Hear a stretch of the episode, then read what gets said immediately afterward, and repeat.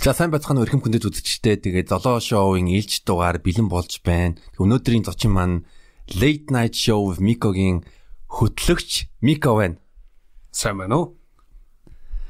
За сайн байна уу. За тэгээд яг нэвтрүүлгийнхаа эхлэхийн өмнө нэг тийм ёслого хойлоо тий гараа ингээд За. гараа ингэнгүүтээ гараа ингээд тэг камерлоо харж агаад за золоо шоуд оролцсон гэгээд үнэн бүх юмыг гэдгийг одоо тангарлагъя. Тангаргалъя. Тангаргалъя. За, золоо шоунд үнэн бүх зүйлээ хуваалцъя. Тэгээ тангаргалъя. А хөө яха хайр гэж юу вэ? Тий, хариулт шүү дээ. Энэ зүгээр цаг бол зүгээр хошигнол байла. Аа тэгээ Мико ягаад Миког урсан бэ вэ гэвэл э, юу Miko is always a good idea. Аха. За тэр э, тэр тийш эрдийн тухай яриад өгөөч. Тий, а, наад чи нөгөө нэг яг 3 жилийн өмнө 2017 онд манай Мика жоохон орд. Аа за. Би нөгөө чанга ярьдаг болохоор аа. Тий. 3 жилийн өмнө аа, ингэсэн. Бид нөгөө нэг HD орны төвнөлтөө хийгээд тэгж яхад аа, манай найзын ихнэр одоо хишгээгээд бүсгүй байгаа. Аа Нандин гэж одоо Нандин clothing, Нандин home гэдэг ийм одоо брендинг үүсгэн байгуулагч одоо бүсгүүчүүдийн нэлээд бас дуртай хувцсны брендийг үйлдвэрлэдэг. Одоо өөрөө дизайныг гаргаад Монголдо үйлдвэрлээд худалдаалдаг энэ гоё брендинг Mongolia's always good idea гэсэн юм бодолк гэдэг байхгүй. Яг тэр нь айгүй бас алдартай бодолк. Олон хүнд байдаг баха. Тэгсэн чи биднэрт нөгөө нэг бэлэг болгоод тэгээд а бидний ихнэрүүд өмсөж ирсэн аахгүй. Гэхдээ ихнэр болгон өөрсдийнхөө нөгөө нэг нөхрийнхөө нэрийг Монголигийн оронд бичсэн те Miko is always good idea а Тэлмэн is always good idea Jack is always good idea гэсэн тийм гинтийн бэлэг байсан. Айгу таалагдсан. Вау, маш маш гоё э, бэлэг юм байна. Би хэрвээ бас их нэртэй байсан бол бас надад бол тийм тийшерт ирэх байсан Аа байгаа. тий сайхан их нэртэй болол тэгээ сайхан сайхан сюрпризүүд ирэх үлгүү дээ. Тэр цаг хугацааны л асуудал л дээ. Хүүхэд мөгдөө жишээ нь. Тий. Хүүхд бол аа хамгийн том бэлэг. За, Тэгээд халуухан халуухан сэдвүүдээр а, Мико дүнгэж саяхан манай улсын онцгой комедигийн 7 дугаар дугаард орсон. Тий. За тэгээд а, ер нь улсын онцгой комеди шоуд а, орох ямар хөө байсан бэ? Урилга хүлээж авахд ер нь юу гэж бодож исэн бэ? Тий урилга хүлээж авсан чи би болохоор өөрөө ихлээ за би ч ер нь чадах юм болов уу гэж бодсон л да. Чадах юм болооч яах вэ нөгөө нэг юм угаасаа комедиогоор ингээд дагнаад явж байгаа одоо мундаг залуучуудын хажууд ингээд суугаад явах тэгсэн чинь санти над руу залгаад тэгснэ өгшөө чи ингээд ирээд орооч манайх ингээд чамаг орох болоо гэж ин гэдэг юм. Окей зүгээр гоё нэг юм хөгжилдөд өнгөрөх юм чинь тий. Тэгэл да гिचээ тэгээ яг би нэг амар юу яахгүй гэж магадгүй өсч зүгээр чи зүгээр энийгээ сууж явахт болно гэдэг. Тэгээ яг гэхдээ би бас чатгаар үзье гэл. Тэгэд оролцсон тэгээ гоё байсан. Ер нь аягүй сонирхолтой байсан. Тэгээ танаа клуб дээр тэгээ танаа контентэнд оролцох бас гоё ш. Мм, Зөв. Мм, Чи бас а, өөрийнхөө late night-та Сантиг урж байхдаа а бас юу товчлоод асууж исэн бэ гэвэл а, The Comedy Bible а, тэр номыг орчуулгын талаар чи ер нь өөрөө comedy а, хийж үзье гэж бодож исэн. Дээрс нь би өмнө чиний дугааруудаа өөрөө монолог Тий. хөтлөж монолог уншиж исэн тийм болохоор comedy ер нь хийх бас чамд сонирхол байгаа юу? Хүсэл байгаа. А би бүр танаа танаа клубын open mic дээр нэг удаа орж ирээд ирээд ороод. Тэгээ маа нөгөө нэг мөрөн гээд чи таних уугүй юу? Тийм, мөрөн ч маа найз. Тэгээ тэр үчи Санти бас аа юу гэсэн.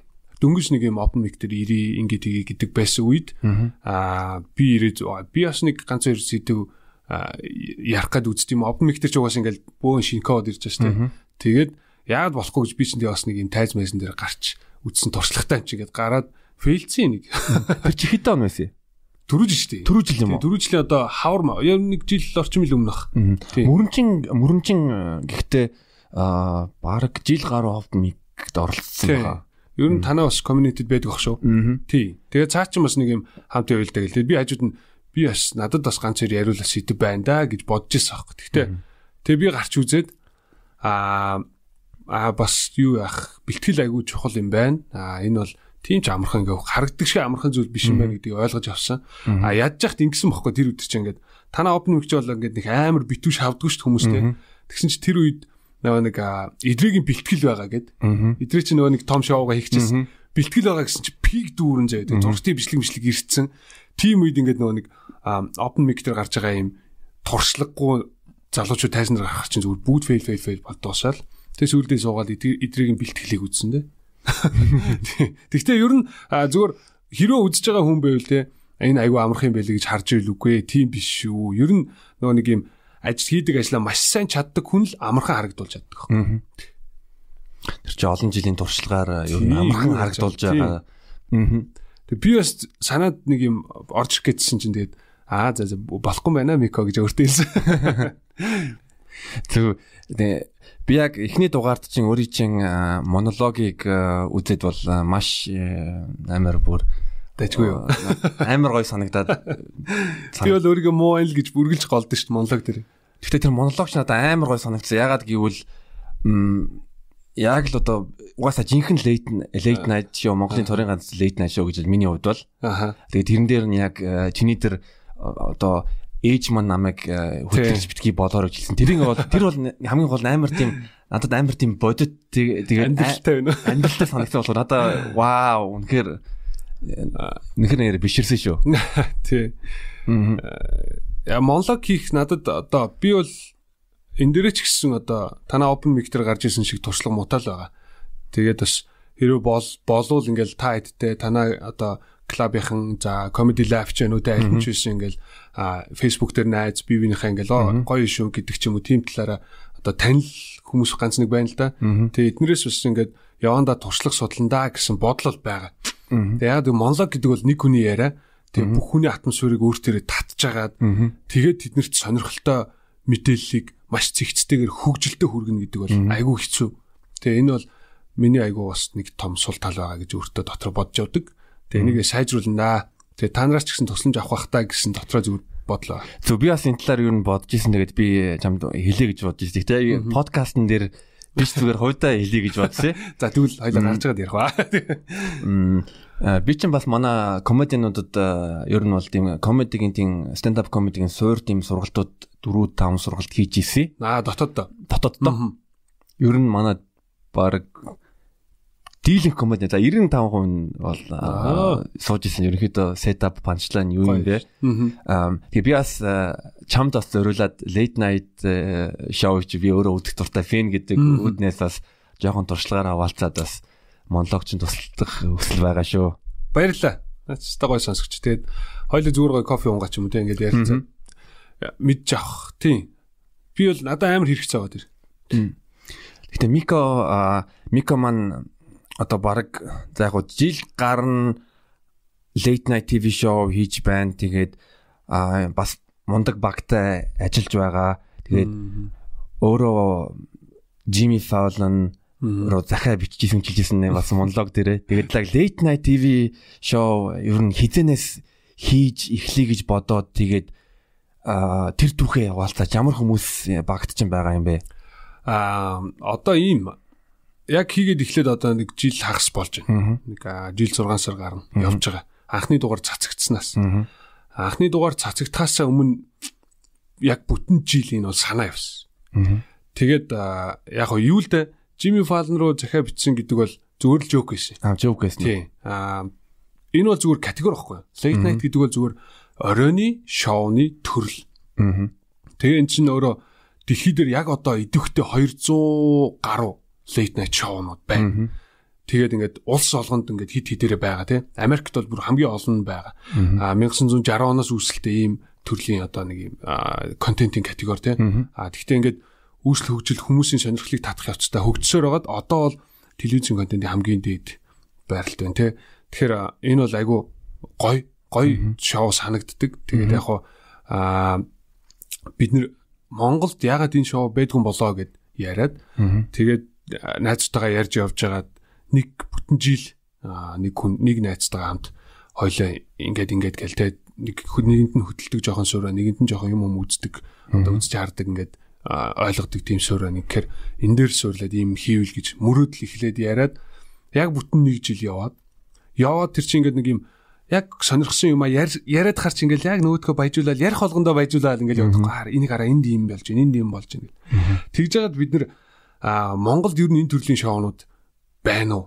Энэ чинь ер нь бол ток шоу шүү дээ. Энэ төрлийн шоунууд байна уу? Хөтлөгчний юм онцгой ингээд зочин суудаг. Гээд судлаад үзсэн тэр үед яг нэг Монголд 13 орчим шоу байсан. Одоо жишээ нь энд чинь ингээд бүгд орж байгаа шүү дээ. Одоо Urban Talk те зүгүү яриа ингээд бүгдийг нь оруулж тоолж байгаа байхгүй. Тэгээд за энэ ер нь ямар онцлогтой ингээд ингээд бүр хүснэгтлээд хувааж үзээ те. Энэ бол илүү зочин дээрээ ингэж суурилсан юм байна. Энэ бол илүү юм байна. Энэ олон хүн оролцдог ингээд ингээд гэдэг ингээд явж явж ийсэн аа. Энд байхгүйсэн entertainment talk show байхгүй. Яг цэвэр утгаараа entertainment нь орж ирдэг. Тэгээд энэ talk show late night бол бүрэн утгаар нь ингээд хийхэд бас орон зай байгаа юм байна. Гэхдээ өнөөдөр хүртэл ягаад энэ том телевизүүд хийгээгүй болоо гэдэг амар гайхажсэн. Гэхдээ аа сүүлд нэг амарч хаана нөлөө бичсэн байсан би уншиж ирсэн амар хэцүү энэ бол манай зах зээлд томд нь тэгээ зардлаа эргээд нөхч чадахгүй гэдэг комент би уншиж ирсэн. Тэгээд олон хүн дотор бол энэ хүсэл мөрөөдөлд байдаг. Тэгээ бид нэр өөрсдийнхөө бор зүрхээр гэж тодорхойлол болох бах. Тэгээд бор зүрхээр ерөөсө хийгээл үзье. Тэгэл камерны төвшө гэрэл авчраал таньдаг ресторанд очиж ярьж гуйж байгаа л те. Яг энэ дэс танаа тайсан дэр ингэ сетап хийгээд ингэчээ. Тэгэл эхлүүлжсэн. Тэгээд аа өнөөдөр хүртэл 14 дугаар дээр ажиллаад явж байгаа. Жил хагас хугацаанд. А энэ бол тэрчгээр туршлага байна. Тэгээд мэдээж бүх юм дутуу. Одоо манай YouTube-ийн комментуудыг уншмал ингээд шүүмжлэл амир их байна л да. Та нар хуулсан гэдгээс ахуулаад шүүмжлээд. Гэхдээ яг их хил дээр энэ төрлийн бид нар яг зүгээр сетапыг ч юм уу те категорийн хуулбарлаж авсан биш болно. А гэхдээ тэнд асууж байгаа асуулт тэр зочныг судалж байгаа. Тэгээ эн чинь бүх юм нь хуулбар хуулбарлахаас ямарч боломжгүй юм байхгүй. Тэргээр л онцлог. Өөр жишээ нь одоо чи золоо золоо гэд өөрийнхөө золоо Saturday night гэдэг ч юм уу те. Ийм шоугаа чи хийгээд явж болох хөө. Тэгэхээр чи битэр бие биенээсээ хуулах ямарч боломжгүй. Яг тэгвэл чиний үүсгэсэн баг чиний сэтгэлгээ тэр момент чи тэр хүнтэй ярилцж байгаа тэр л чадварын асуудал ахгүй те. Тэгээд entertainment нь яаж юугаараа онцлог сонирхолтой байх юм гэдэг л ялгаа. Тэгэхээр хүн болго энийг хийж болно шүү дээ. Тий. Тэгэхээр сонсч байна. Та ч гэсэн бас өөрийн гэсэн late night-тай байх боломжтой юм байна. Гэтэ бас нэг ялгаа гэвэл Та хэд late night хийж болно. А гэхдээ late night цэг юм бол тийм манад байгаа. Эднийд байгаа. Тэр шууд хайгаад үтсэн чи байгаал тэг авцсан л та. Тэгээ бид нэр уус нэг телевиз дээр хамтраагүй. Би даасан контент гэдэг утгаараа өөрсдийн вебсайтн дээр хамгийн гол платформ болгоё. Тэгэл Facebook, YouTube-ээр юм сонирхолтой эсгүүдэд тавьдаг. Аа. Одоо ч тиймэр л явж. Тэгээд анхны зочингоо олох мандуулыг ер нь урих ер нь хэр ямархуу процесс байсан бэ? Хэр төвхтэй байсан бэ? Тий. Одоо ингээд бодохоор айгүй гой дурсан юм да. Мандуул маань ч гэсэн амар гой дэмжсэн. Мандуулда баярлаа. Хэрвээ одоо энийг үзчихвэл те. Тэгээд би өөрт нь ч гэсэн хэлжлээсэн л да. Стогой баярлаа дэмжсэн. Тэгээд яа хэний ч мэдгүй нэг нөхдүүд те нэг юм хийн гэж явжсэн чинь мандал окей гэсэн баг. Аа би утасны дугаар нь байсан. Тэгээд залгаад тэгээ өмнө нэг нөгөө өглөө өглөө хөтөлбөр мандал хөтөлдөг шүү. Тэгэхэд нэг хоёр ч удаа илүү зочноор оролцоод нөгөө ичнээ бие бинээ таньдаг болсон байжгаад а чи санжино би нөгөө нэг юм лантон төхөгийн залуу байна. Нэг уулзаад кофе унгаа юм ярилцъя гэдгсэн чинь окей гэдэг ажлынхаа цагаар цаг тохироод тэгээ бид энэ Монгол хэлтэй ойролцооны газар ороод суугаад кофе уугаад ярьж чаад бүх юугаа ярихгүй. Яг ийм хүсэл байна. Ийм сонирхолтой ийм шоу ингэж хиймээр байна.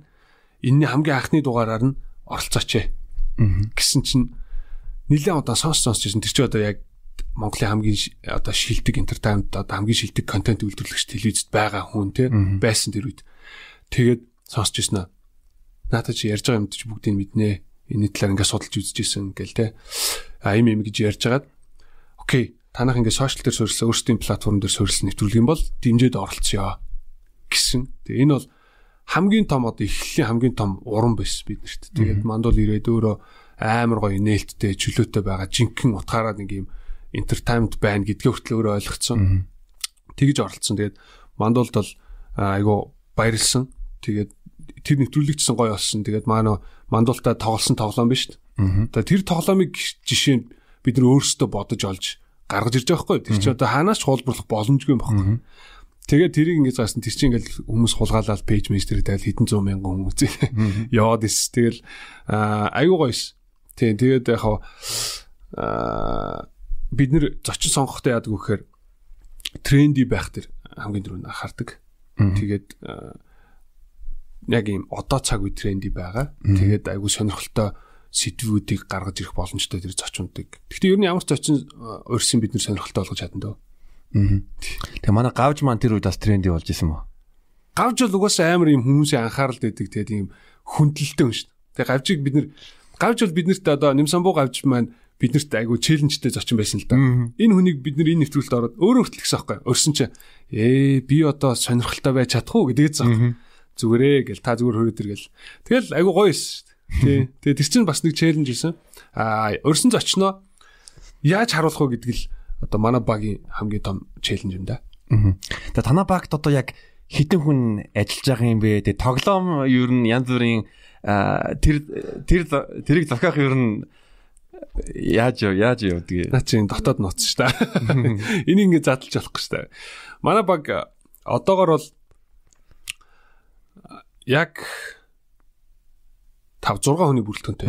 Тэгээд эдгээр чинь бас бүгдээр үүргүүдэд хариуцаад аавна. А нэвтрүүлэг яг нэг грек дарагдаад тухайн орой ингээд явж байгаа процесс төр бол дөрвөн хүн ажилдаг. Наттай нийлээд шүү дээ. Тэгээ айгу цомхон байх байгаа л да.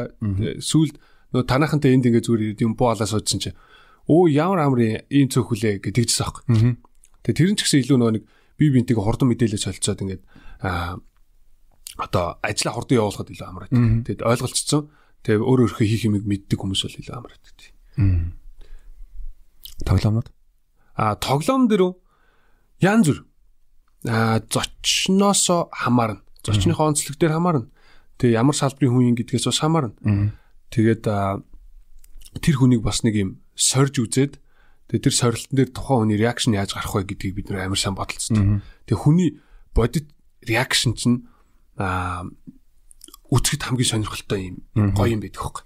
Тэгээ одоо юу гэдэг ингээд чи байжснаа амар ингээд яа тийм тийм мөстө ус дээрээс асуулаад энэ яах вэ гэдэг ч юм уу те. Санти жишээ нөгөө нэг юу ийдсэн штэ. Дахианы юу ийдсэн штэ. Мүч тэр чи ингээд соос нь амар халуун байгаа таахгүй. Тэг чи айгүй хэцүү асуулт тавьчаад энд хариул хариулж чадахгүй л иччих наатгаа гэ те. Сонголт өгч те. Тэгэхээр хариулах эсэх нь өөрийнх нь сонголт. Хариулахгүй гэх юм бол тэрийг идэнэ. Тэгэн готлаа эдгэд санти ч ингээд гэж суугаад тэр анзаар бол тэгээд гидик ч юм иймэрхүү нэг юм бодит реакшн илүү чухал байдаг. Тэгтээс та зочин зочноос хамаарал тухайн зочныг яг нэвтрүүлэгт ороход хуваар нь тодорхой болоод тэгэл ажиллаж эхэлдэг. Тэгээд янз бүрийн хөвлбөр гаргаж ирж хагаад тэрнээс сонгодог. Зөв. Тэгээд Микогийн э, хөтлөлт болон одоо багийн э, танаа багийн одоо зочноо яаж судалдаг вэ? Зочноо яаж судлаад яг яг яг одоо жишээлбэл зочиндоо зориулаад тэр э, тэр бол надад маш их агууштай санагд санагдж байгаа. Аа маш э, чанартай э, юм хийгээд байгаа. Тэрийг би бол маш их үнэлж байгаа. Тэгэхээр Мика маань өөрөө бол мэдээ холбооны мэдээллээр холбоо мэдээлэл технологи шүтээс төгссөн. Тэгэхэд яаж яагаад хөтлөгч болчихоо. Тий. Өөрийнхөө мэрэгчлэр бол нэг хоног нэг хоног ажиллаж үзээгүй тий. Тэгээд энэ ч тэгтээ нэг юм бахархаад ахаар ч юм биш л те. Одоо залуучууд үзчихсэн те. Оо энэ энэ ах ингээл нэг хоногчсан өөрийнхөө мэрэгчлэр ажиллах юм биш гэж үлгэр дуураалж авах авах үедээ. Тэгтээ а миний л ягаад ч юм ингээл миний ингээл хим маяг яг тэгэл таарчиж тэгээ надад ирсэн боломжууд ч юм уу тэгээ тэгэл таарчиж а хөтөлтийн үед ерөөсөө юм би бүр багасаа ер нь нэг ангийн урлагийн үзлэг гэж болдог шүү дээ. Тийм юмд аягүй идэвхтэй оролцдог гэсэн. Тэгэл ангиасаа дуулдаг те. А бүр баг ангитай шүлэг мүлэг зохиож исэн гэдэг чинь нэг иймэрхүү иймэрхүү нэг юм тэмцээн жижигэн тэмцээнд оролцох идэвхтэй хөхтэйс аахгүй. Тэгэл нөгөө тайзан дээр ингээл урлагийн үзлэгтээ ордог мордог ангийнхаа урлагийн үзлийн хөтөлбөрийг хөдөлдөг ч юм уу. Иймэрхүү юм баг багаар явж явж байгаа.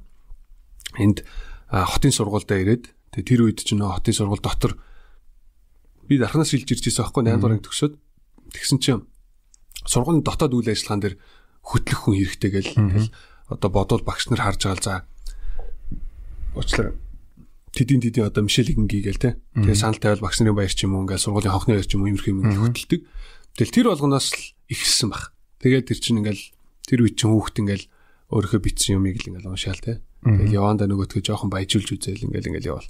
Тэгж жаад оюутан байхдаа би а шинэ жил хөтөлж үзчихсэн. Тэгэл тэр шинэ жил хөтөлж үзчихсэн маань болохоор 2 дугаар курст байхдаа 4 дугаар курсын ах шинэ жилийг хөтөлж ирсэн. Тэгээ тэд нар өөрсдөө надад санал тавьжсэн аахгүй. Тэгэл тэрнээс хойш шинэ жилээр нөгөө янз бүр байгуулгын шинжил мэдлэг гэдэг ажил мэжил хийдэг болол баг багаар явал. Туршлага Тий. Тэгээд бас туршлага хөрөнгөлөөсөн. Тэгэн гутлаа 10 жил төгсөх үедээ би FM аягүйг сонсдог гэсэн. Хотод ирэхэд хотод шилжээд ирсэн чинь энд чинь 104 гэж FM алдаг байлаа. За тэгэл 101.7 102.5 гэл те амар олон мундаг FM-үүд байсан. Тэнд айгүй лаглаг хөтлөгчнөр гой гой нэвтрүүлгүүд явдаг байсан.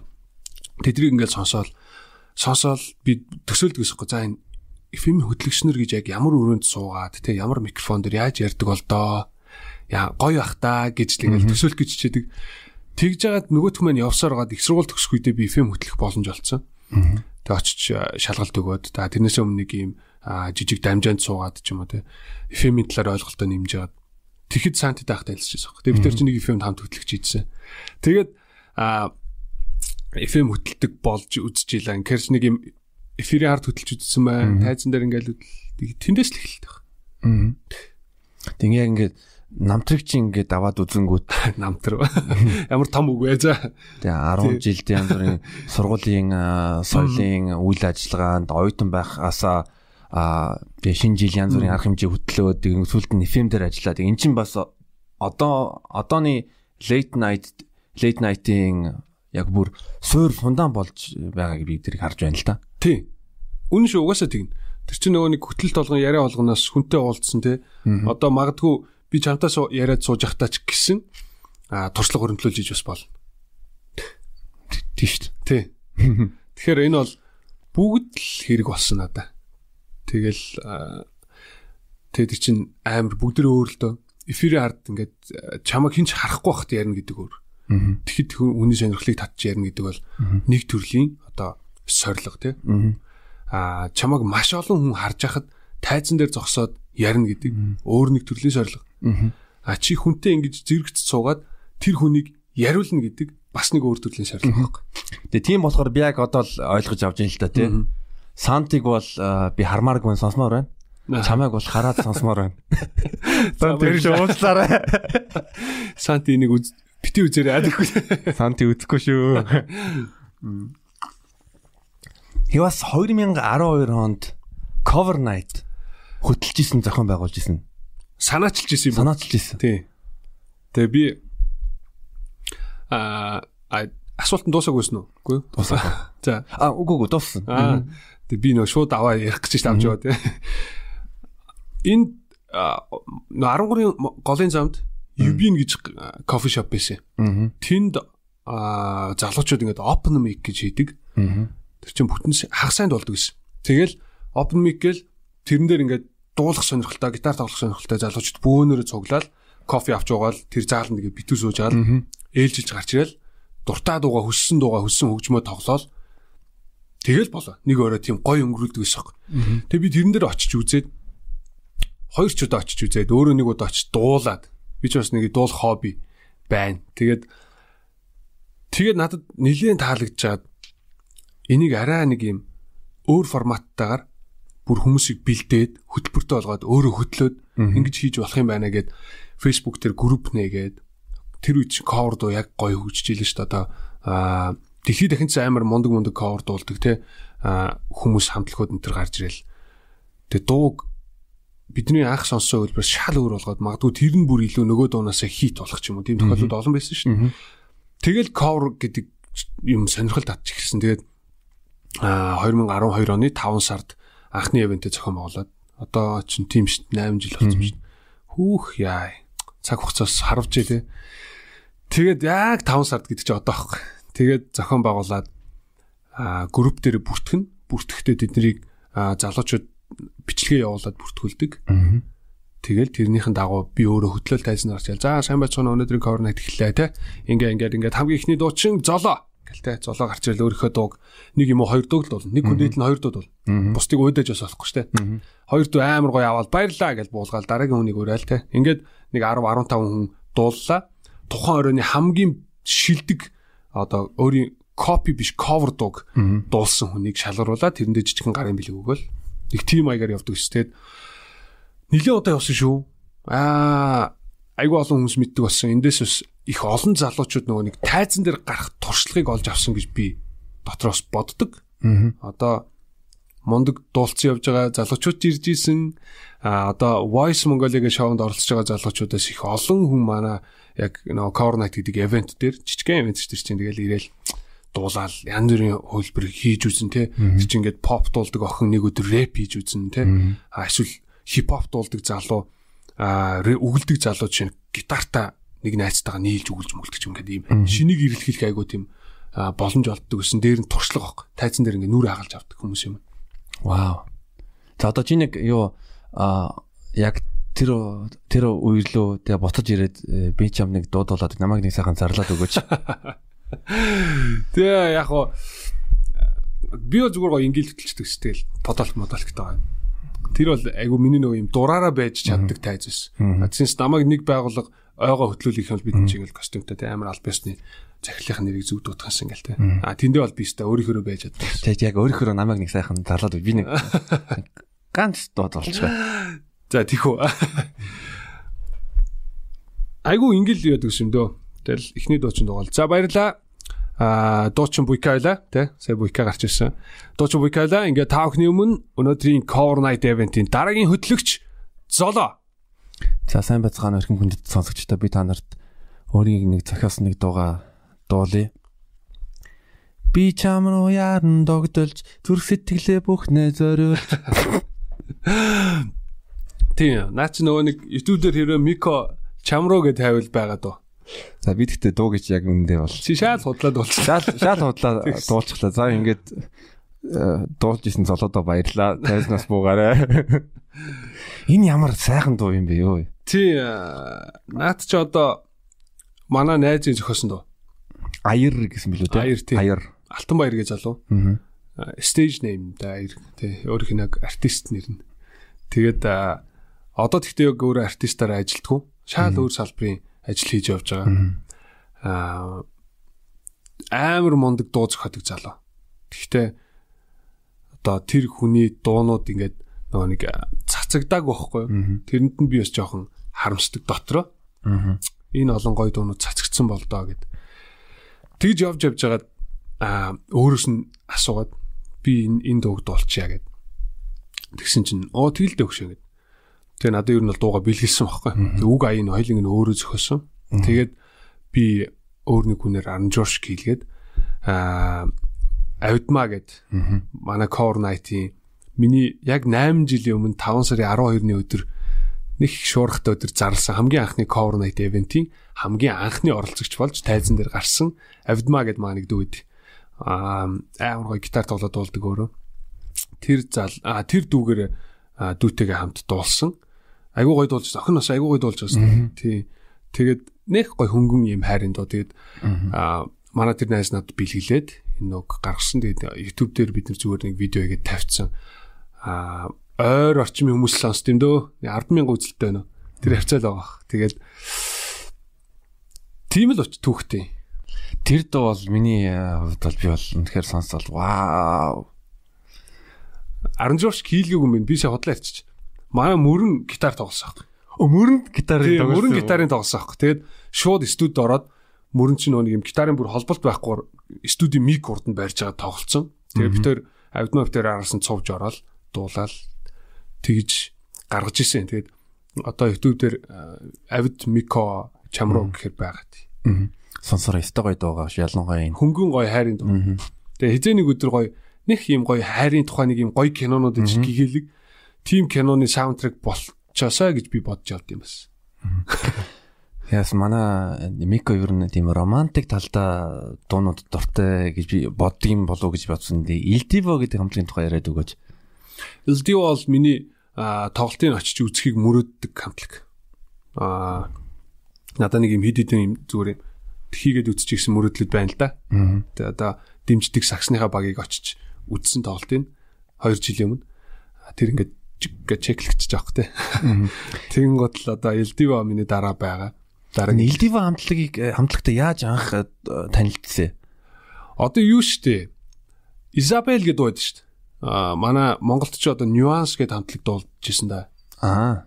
Изабел гэдэг тэр дууг чинь яг жинхэнэ ориг дууг нь дуулсан хамтлаг тэр байхгүй. Тэгээд аа үзэл дурлал өөр дуунуудыг сонссон чинь тэднийх юм нөгөө нэгэнт хит болсон одоо Tony Braxton-ы Unbreak My Heart. Би Тони тэр тэд нар cover хийсэн мэт Tony Braxton. Тэр чинь ингээд нэм Спан хэлээр ингээл ингээл өөрчилж байгаа дуулаад идэх байхгүй. Тэгэл одоо Celine Dion-ы дуу гэж гэдэг юм уу те. Яг ид үедээ бол тэр хамтлаг тэгж амар гоё дуулдаг ш. Тэгэд попера чиглэлээр дуулдаг байхгүй. Pop операгийн дундах тийм одоо юу урсгал гэх юм уу те.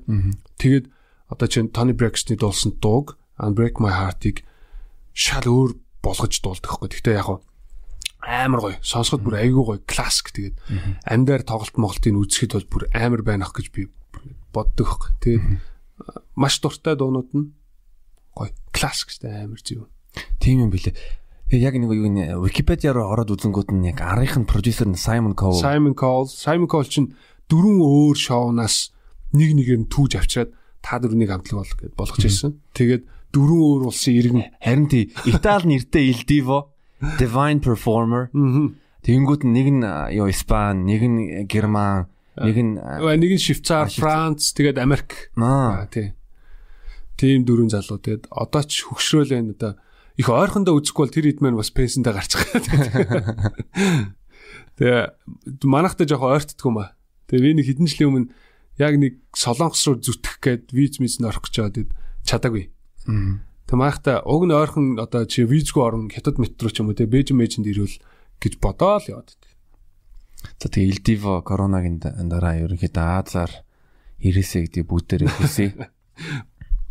Мм чи юу Америкт явах явахдаа яг э, late night show үзэх боломж э, гарсан уу одоо? Гараагүй. Instagram дээр чинь Steven Colbert гэдэг нэг гаднаас нь зургийг авах боломж авсан юм уу? Тэр зургийг өлсдөө яг зарсан өөрөө. Тэгэл чи нөгөө нэг тэндээс буцаж ирээл хийсэн ш нэвтрүүлгээ. Тэгэл буцаж ирээл нэг удаагүй хийсэн дээ. А гэхдээ Boston Celtics-ийн тоглолтоо үзсэн. Үзсэн. Тэрэнд бол а Америк явсан чинь бол анх удаа явж үзэж байгаа юм би. Аа. Тэгээд юу байхгүй юу? Бид нар чинь бүр өөр ажиллаар явжсан байхгүй. Аа манай дөө лантууд өхөгийн залуучууд багаараа тэг Америкт очиод яг 28 хоног Америкт явсан. Тэг чин хамгийн ихний хот нь Seattle хот буугаад тэндээсээ доошоо ингэж уруудаад уруудаад Sacramento, San Francisco, LA Vegas тэгээд Denver гэ хөндлөн ингэж яваад Chicago тэгээд DC ороод дараа нь Нью-Йорк, Бостон ороод Бостон ч орох хуваар байгаагүй. Тэн дээр би бүр тэгэхэд бид нар 10 хотоор яваад ажил хийжсэн байхгүй. Монголчуудтай уулзаад эцэдийн орон төвийг дэмжээч гэдэг юм танилцуулга тэгээд айгүй их ажил хийж явжсэн. Тэгээд чинь дан машинаар яваад Америк дотроо амар ядарч ийсэн байхгүй. Тэгээд юу яагаад аа тэр дундаас хамгийн сүүлийнхаа уулзалтаас би багийнхнаасаа гуйж байгаа чөлөө аваад тэгээд Бостонд очиж очих хэрэгтэй байна. Ингээд яг боломж олцсон дээр би очиж багийнхаа тоглолтыг үзье гэд. Тэгсэн чинь нөгөөдөл окей бид нэр араад агаад ингээд үлдээ гэд. Тэгээд бүр тэрийг бүр аа виз гараад бид нар явах үедээ шийдээд тэгээд би ингмээр байна гэж хэлээд тэр өдрийнхаа манай бүх маршрут гарч байгаа шээ. Тэгээд тэр өдрийг тааруулаад тоглолтын тикет бодолтод авчихсан. Тэр мэдрэмж ямар байсан бэ? Оо гайхалтай. Тэр бол бүр би ч одоо 28 7-оос 7 8 оноос хойш дэмжиж байгаа байхгүй юу? Celtics баг-ыг. Тэгээ тэрнээс хойш дэмжиж байгаа гэдэг чинь 10 гаруй жил дэмжижсэн. Үнэнчээр тэр чинь ингээд баг нь шороотоо хотголтой явж явах төртөл дэмжиж исэн. Тийм төрлийн фэн. Тэгээд аа би бол тэр хот тэр багийг очиж үзхийг бол бүр маш их хүсэж исэн. Тэгэл яг тэр нөгөө нэг TD Garden гэдэг тэр юун цэнгэлтэд ороод цэнгэлдэх гэж ярихгүй бах тэр ордонд ороод аа шууд гэлөө гэл. Тэр чинь нөгөө банерууд үлгөөтэй байгаа шүү авраг болцсон тий. Тэгээд яг орцсон ингээл суувал далбаа малбаага барьцаа тэр чинь бас. Тэгээд аа юу яагаад суудал дээр суудсан байжсэн чинь үзэгч дүүрэл.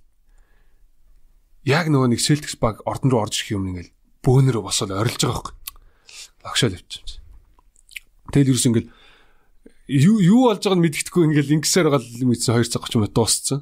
Гэхдээ нэг азтай юм нэг завсарлагын half timer маа тамирчид бүгд нөө хувцал хөрөөрөө явж байгаа үед бүгдээ ингээл hi-fi цогч амжсан. Вау, гайхалтай. Тий, би айгүй тийм ойрхон судал дээр суудсан. Тэгээ хямдхан хэрнээ их ойрхон судал авсан. Вау. Тэгээ яагаад яагаад одоо Bolton Celtics-ыг 2008 онд э, за энэ багийг ер нь би дэмжинэ гэд шийдсэн. Чам чамайг юугаараа татсан? Чи сакс үздэг үү? Би сакс сонирхдаг юм. Сонирхдаг. Тэгэхээр одоо тайлбарлахаар одоо яг ингээд аа гэхгүй л ахтаа гэхгүй. Нөгөө нэг манай багч ингээд нэг юм агу агу түүхтэй баг аахгүй яг нэг сагсан бөмбөгийн түүх NBA-гийн мэрэгжлийн сагсан бөмбөгийн түүх дотроо бол хамгийн олон төрүүлсэн гэдэг ч юм уу те ингээд мундаг багуудын дунд ордог, тоонд ордог. Тэгээд их удаан түүхтэй баг ордон нүртлөөр айгу олон жилийн түүхтэй гэдэг юм. Тэгээд уналттай үе дээрээ би явж хагаад тэр зуна нэлээд сайн аймаа гээд хоёр яг эд үедээ явжсэн хоёр од тоглогчийг авчираад их гурал гэдэг юм үсээд. Тэгэл ер нь тэндээс эхэлсэн. Тэгээ уналтаас нь уналтаас гарч ирснээр шууд тэр жилээ төрүүлсэн баг. Тэгтэл надад амар их таалагдаад. Тэг яг манай нөгөө нэг мөнхийн өрсөлдөгч багийн баг байдаггүй Лос Анжелес Lakers гэдэг. Тэр багийн фэнүүд миний эргэн тойронд бас манай найзууд айгу олон байдаг. Тэгээд тэгэл найзуудтайгаа нэг гоё өрсөлдөн үүсч эхэлсэн байхгүй. Тэр нь ч айгу сонирхолтой. Би бинтэйгээл мэтгэлцээл те. Бооцоо тавиад хоорондоо тэгж эхэлсэн. Тэгэл тэрнээс хойш тэр авраг авсныхаа дараа дахиад авраг аваагүй л те. 8 оноос хойш. Тэгээд а өнөөдөр хүртэл явж байгаа тэр дундаа бүр ингээд нөө плей-офф хүртэл ороогүй жил хүртэл байгаа. Тэгээ плей-оффт ороод эхний шатнаасаа шүүрдүүлээд бүр 4-0-оор хожигдоод мултарч исэн гэж илүүч байгаа. Тэр болгонд нь л багтаага үнэнч дэмжиж ирсэн дээ. Вау, cool. Тэгээ одоо гоё агт манай. Тэгээд өөрөө бас өмнө жигүүр гэд баг сакс тоглож ирсэн. Тэгээд чи эдэнээс хойш сакс яг одоо сакс NB сонирхохоос гадна яг тоглож эхэлсэн. Аа, дунд сургуульд байхдаа тийм дунд сургуулийнхаа одоо 7 дугаар англи юм да. Яг нэг юм ангийн шигшээ мэгшээ гэж үүсэл тий бусад 7 дугаар ангийнхантайгаа үздэг. Тэр үеэс л яг нэг юм ангийнхаа шигшээ тоглоод нэг юм өрсөлдөөнд орж үзчихсэн. Тэгээ тэрнээс хойш сургуулийнхаа секцэнд яваал тий. аймгийн секцэндээ явж үзэл тэгжээс нь шилжих болол хот руу шилжиж ирээл. Тэгээ хотод шилжиж ирсэн сургуулийнхаа шигшээ багтнаас ороод бэлтгэлтэнд яваал тоглоод дүүргийн тэмцээнд орж үзэл. А улсын аврагт орж үзэл, хотын аврагт орж үзэл. Тэгээ дараа нь оюутан болсон.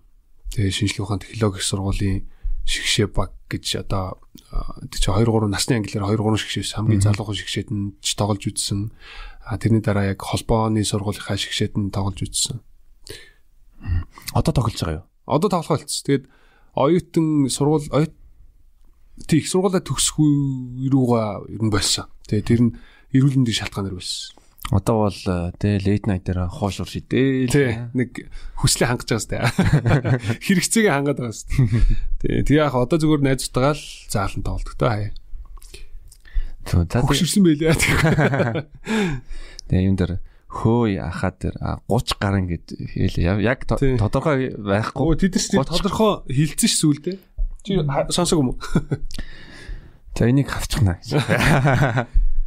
За тэр жаах за бас нэг миний яс ярмаагаа гол сэдв нь юу вэ гэвэл манай Мико маань өөрөө хоёр охинтой. Аа. бас Лантун дохоо төрийн бус байгууллага. Төрийн бус байгууллагын 2010 оны бас яг зохион байгуулсан хүмүүсийн хүмүүсийн нэг нь удирдах зүйлд байгаа бас ижтийн орон удирдах байгаа юу? Тий. Аа юу болохоор 2012 онд яг Лантун төхөө төрөмс байгууллага үүсгэн байгуулахад бол үүсгэн байгуулсан баг дотор нь би байгаагүй. Аа тэгвэл тэр үед бол тэр яг тэр үүсгэн байгуулж байгаа залуучуудтай бүгднтэй ингээл нэм найз өглөөний клуб энэ төр те халуун сэтгэл гэдэг юм одоо залуусын нэгдэл дотор бүгднтэй найзууд байсан. Тэгээд аа жахаа мохотож одоо яг тэр тэр жил ингээл найзалсан байсан л та. Тэгээд бид нар өглөөний клубын найзууд байсан. Жахаа манай бэлгээ энэ төр бол яг анх үүсгэн байгуулсан залуучууд. Тэгэл ер нь найзуудтай хийж байгаа ажлыг хараал яваад идэг гэсэн.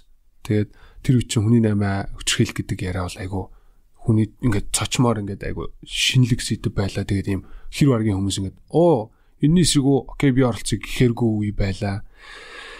Тэгээд ер нь хараал дэмжээл ингэж явж байгаад 2013 14 оны орчмоос би яг үйл ажиллагаанууд нь ингээд нөө гар бие оролцоод тэр чинь ингээл 100% сайн дурын яаж шүү дээ бүгдээрээ. Тэгээл ингээл үзэсгэлэн гаргахад нь тэрэнд оролцоод тэрийг хөтлөөл тэ өөрийнхөө чадхаараа ингээл юмнууд ингээл хийгээл явж байгаа. Тэр нь 14 оноос эхлээл яг лантун юмшээ олгоо албасны гишүүн болоод явсан. Тэгээд 15 оноос баг өдөртөх зүйлд нь ороод ингээд явсан да. Тэгээ одоо өнөөдрийн байдлаар болохоор лантун юмшээ олгоо өдөртөх зүйлийн гишүүн гэдэг статустай явдаг. Тэгэл бид нар ч яг аа би нөгөө нэг ичдийн орны нэг төвийг хариуцж явдаг гэдэг аа тийм тодорхойлолттой боловч яг үндэ бол манай удирдах зүйлийн багийнхан бүгдээрээ л бүх шийдвэр болгоно ингээл гаргаал явж ин л да. Одоо би жишээ нь хоёлын ярилцлага дуусаад ийшээ гараад бид нараас хуралтна. Аа тулгымцсан ингээд яаралтай шаардлагатай асуудлууд дээр байнга цаг зав гаргаж уулзч явдаг. Энд дэр ч гэсэн одоо жишээ нь манай гэр бүлийн хүн намайг бол агүй сайн ямар ч үед байсан би лантугийн хуралтай боллоо лантун төхөө дээр ийм ажилт боллоо гэхэд бол хаалтгүйгээр надад окей гэж. Тэгээд иймэрхүү нөгөө нэг юм үйл ажиллагааны зохицуултаа хийгд явагдтыг. Аа. Тэгээ сарын өмнө жилөө 2 3 7 хоног өмнө манай бас үеэлүүд эд шидийн оронд хандив өгөөд тэр талаараа илүү ер нь дэлгэрэнгүй яриач одоо манай жишээлбэл бас сонсогч нар яаж бас оролцоод тийм болох боломжууд байгаа юм бэ? Аа одоо жишээ нь юу яадаг л да. Аа манай ичдийн орон лантуу төхөө гэсэн нэртэй кириллээр бичээд хайвал Facebook дээр бүх пэйжүүд нь байна. Аа ямар нэгэн дэмжлэг өгөхийг хүсвэл тэр пэйж дээр байгаа утас сууд руу эсвэл пэйж руу шууд мессеж өчтдөг юм иймэрхүү байдлаар холбогдож болно. Аа дээр нэмээд манай лантуу цэг эмэн гэ сайт байгаа. Аа гадаад хэл дээр мэдээлэл авахыг хүсвэл lantoon.org гэд англи хэл дээр манай сайт байгаа. Одоо Америкийн салбар маань ажилуулдаг те. Тэгээд аа Дэмжлэг бол ямар ч байдлаар өгч болно. Одоо манай эждийн орн 1 төв 2 төв гээд 2 төв ажиллаж байна те. Сонгоны архан дөрөв баян зүрх дөрөвт хоёлын дээр нь. Тэгээ энэ дээр хизээч яваад очиход ажлын цагаар яваад очиход бол хүмүүс хүлээж аваад уулзаад танилцуулаад яаж болно.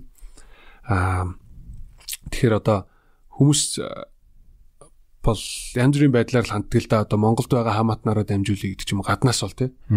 Тэгж мэгж холбогддог. Тэгэхээр дэмжихэд бол яасан ч бол. Тэр нөө нэг үгүй гэсэн хүнд нөө нэг арга нь олдно гэдэг шиг тий. Аа. За. Үгүй гэхэд за санал нийлж гинөө.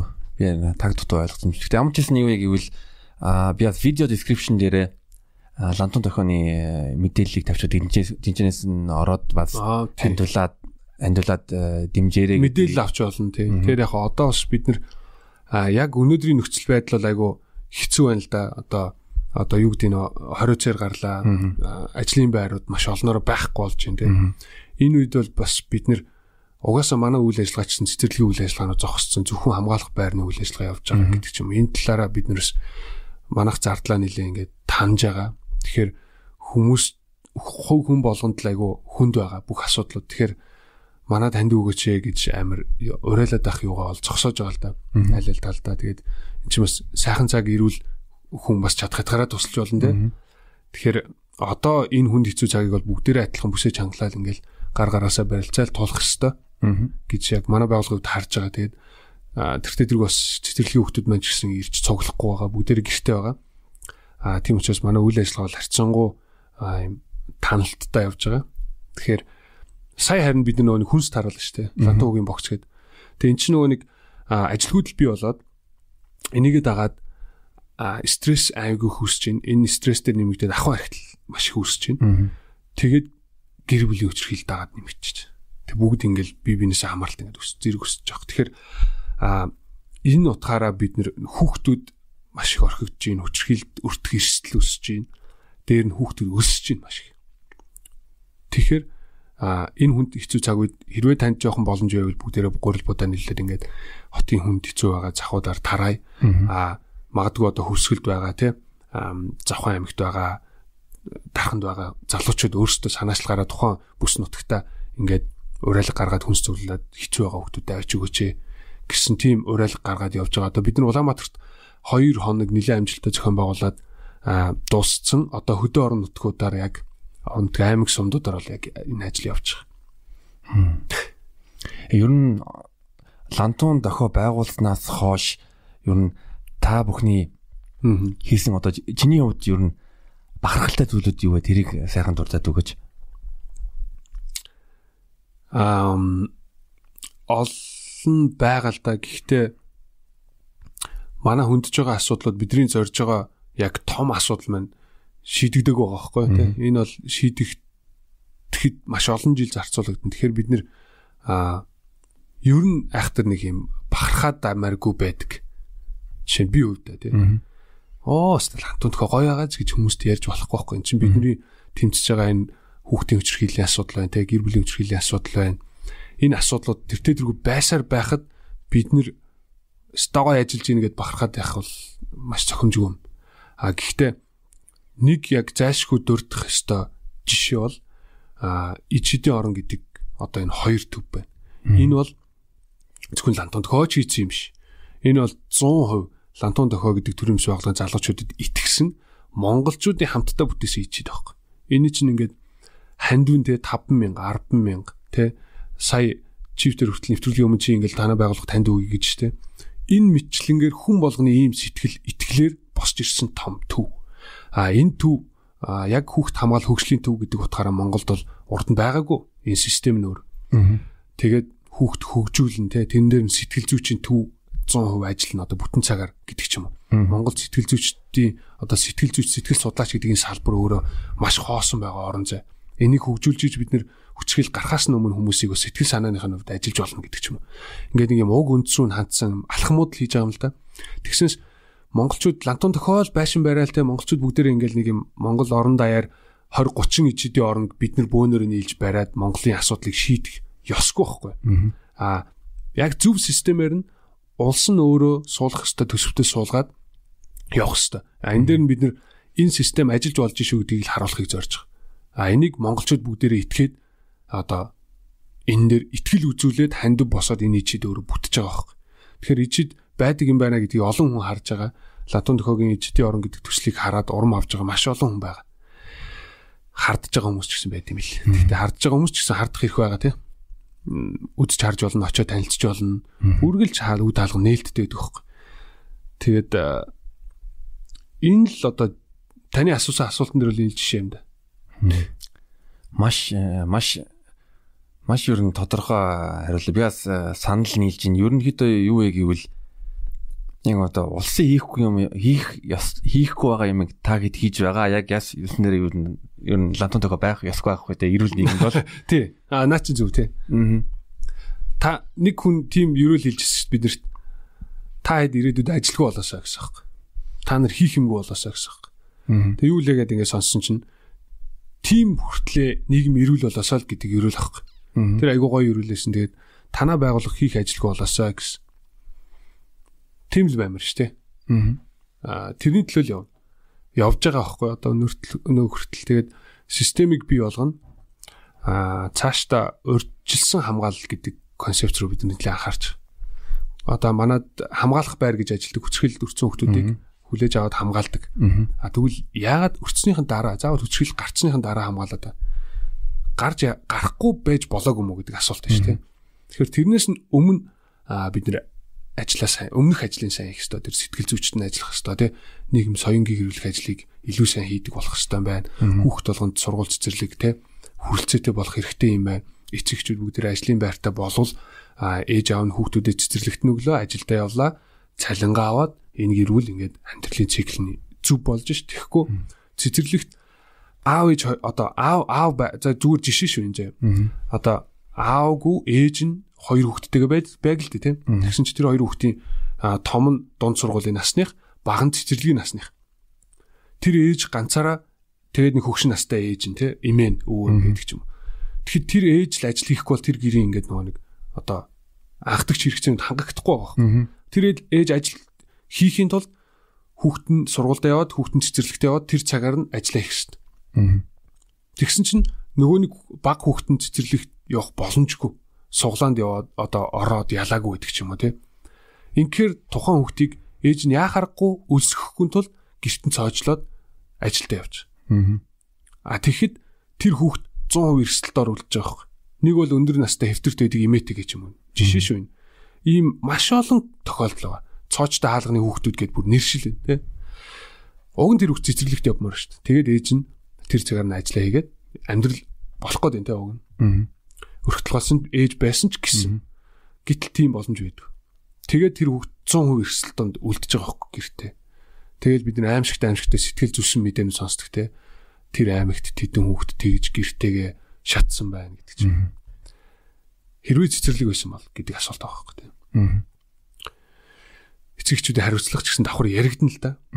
Гэхдээ үнэхээр хариуцлагатай аав ээж байсан ч гэсэн ажил хийх шаардлагатай л учраас хүүхдээ орхиж явсан байж болно шүү дээ бас тэ нөгөө талаас. Ингээд ингээд ярил маш олон хэцүү асуудал байна л да. Тэгэхээр ийм юм байхгүй болох хэрэгтэй. Тэгээд урьдчилсан хамгаалал бид нар хийх ёстой.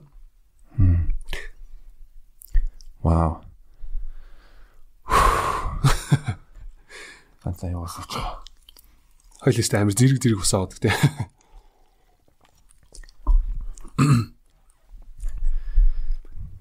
За тэгээд тэгээд төгсгөлд ойлоо подкастын өмнө хүндсэн нэг тийм хөнгөн сэдв гэж ярьж байна. Ер нь бол Монголд инфлюенсер гэд нэг нэг том яваад ирсэн байгаа.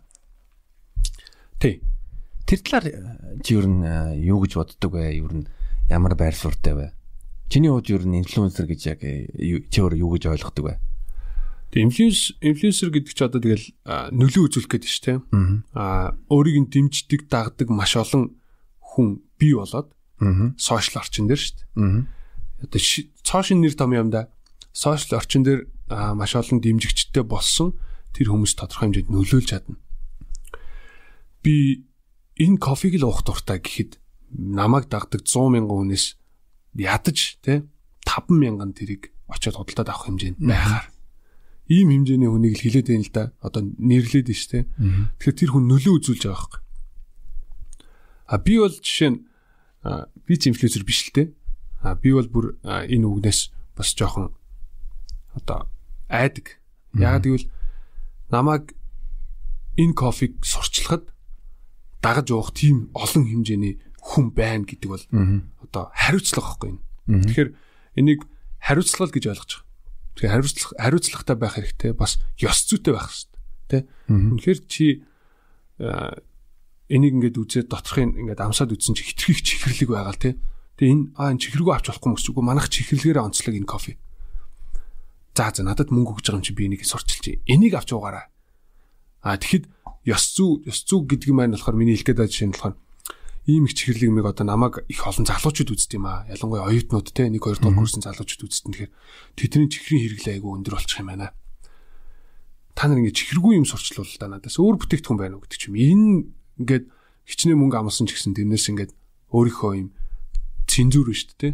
Өөрийн жанжин шугам гэж юм шүү дээ. Тэрнээс тэр нь тэрийг бас ингэж барьдаг хэмжээнд байгаасаа л гэж би зүгээр дотроо оддیں۔ Гэхдээ намайг ингэж хэллээгээд инфлюенсерүүд хийхгүй л бах Тэгээ би бол энийг хариуцлага гэж хардаг.